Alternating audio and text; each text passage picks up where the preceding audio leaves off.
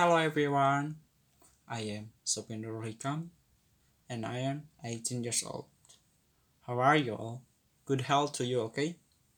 First of all, I hope you heard really even thought I am a bad speaker. Well, let's get started.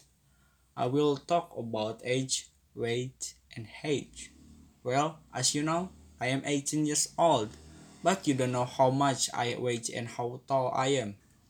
Like most 18 years old teens, I was 116 age centimeter in age, and I am 65 kilogram in weight. You know there was a baby born in Indonesia with the abnormal weight of almost 10 kilogram. But what was even more horrible was that a baby was born with a weight of nearly 20 kilogram.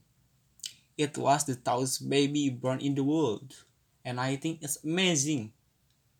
And you know, there are also a baby that's born with the smallest weight almost 10 ounces, or almost the equivalent of an empty plastic bottle.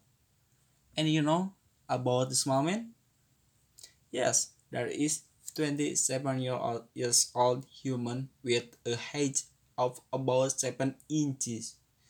Now that's the shortest man is the tallest man. He has the height of 11 inches. How truly amazing! And there's also the tallest man in the world, nearly 180 kilogram. And finally, there's the 193 years old man in Indonesia. After in Indonesia, there's now 256 years old man in the world. It's come from Chinese. It's amazing. Hmm. I hope you all benefit. Thank you friends for listening my podcast. Wish you all good to hear it. Well, I hope you were it, but I'll see you in another episode. I am Sopinul Hikam. Goodbye from me with love.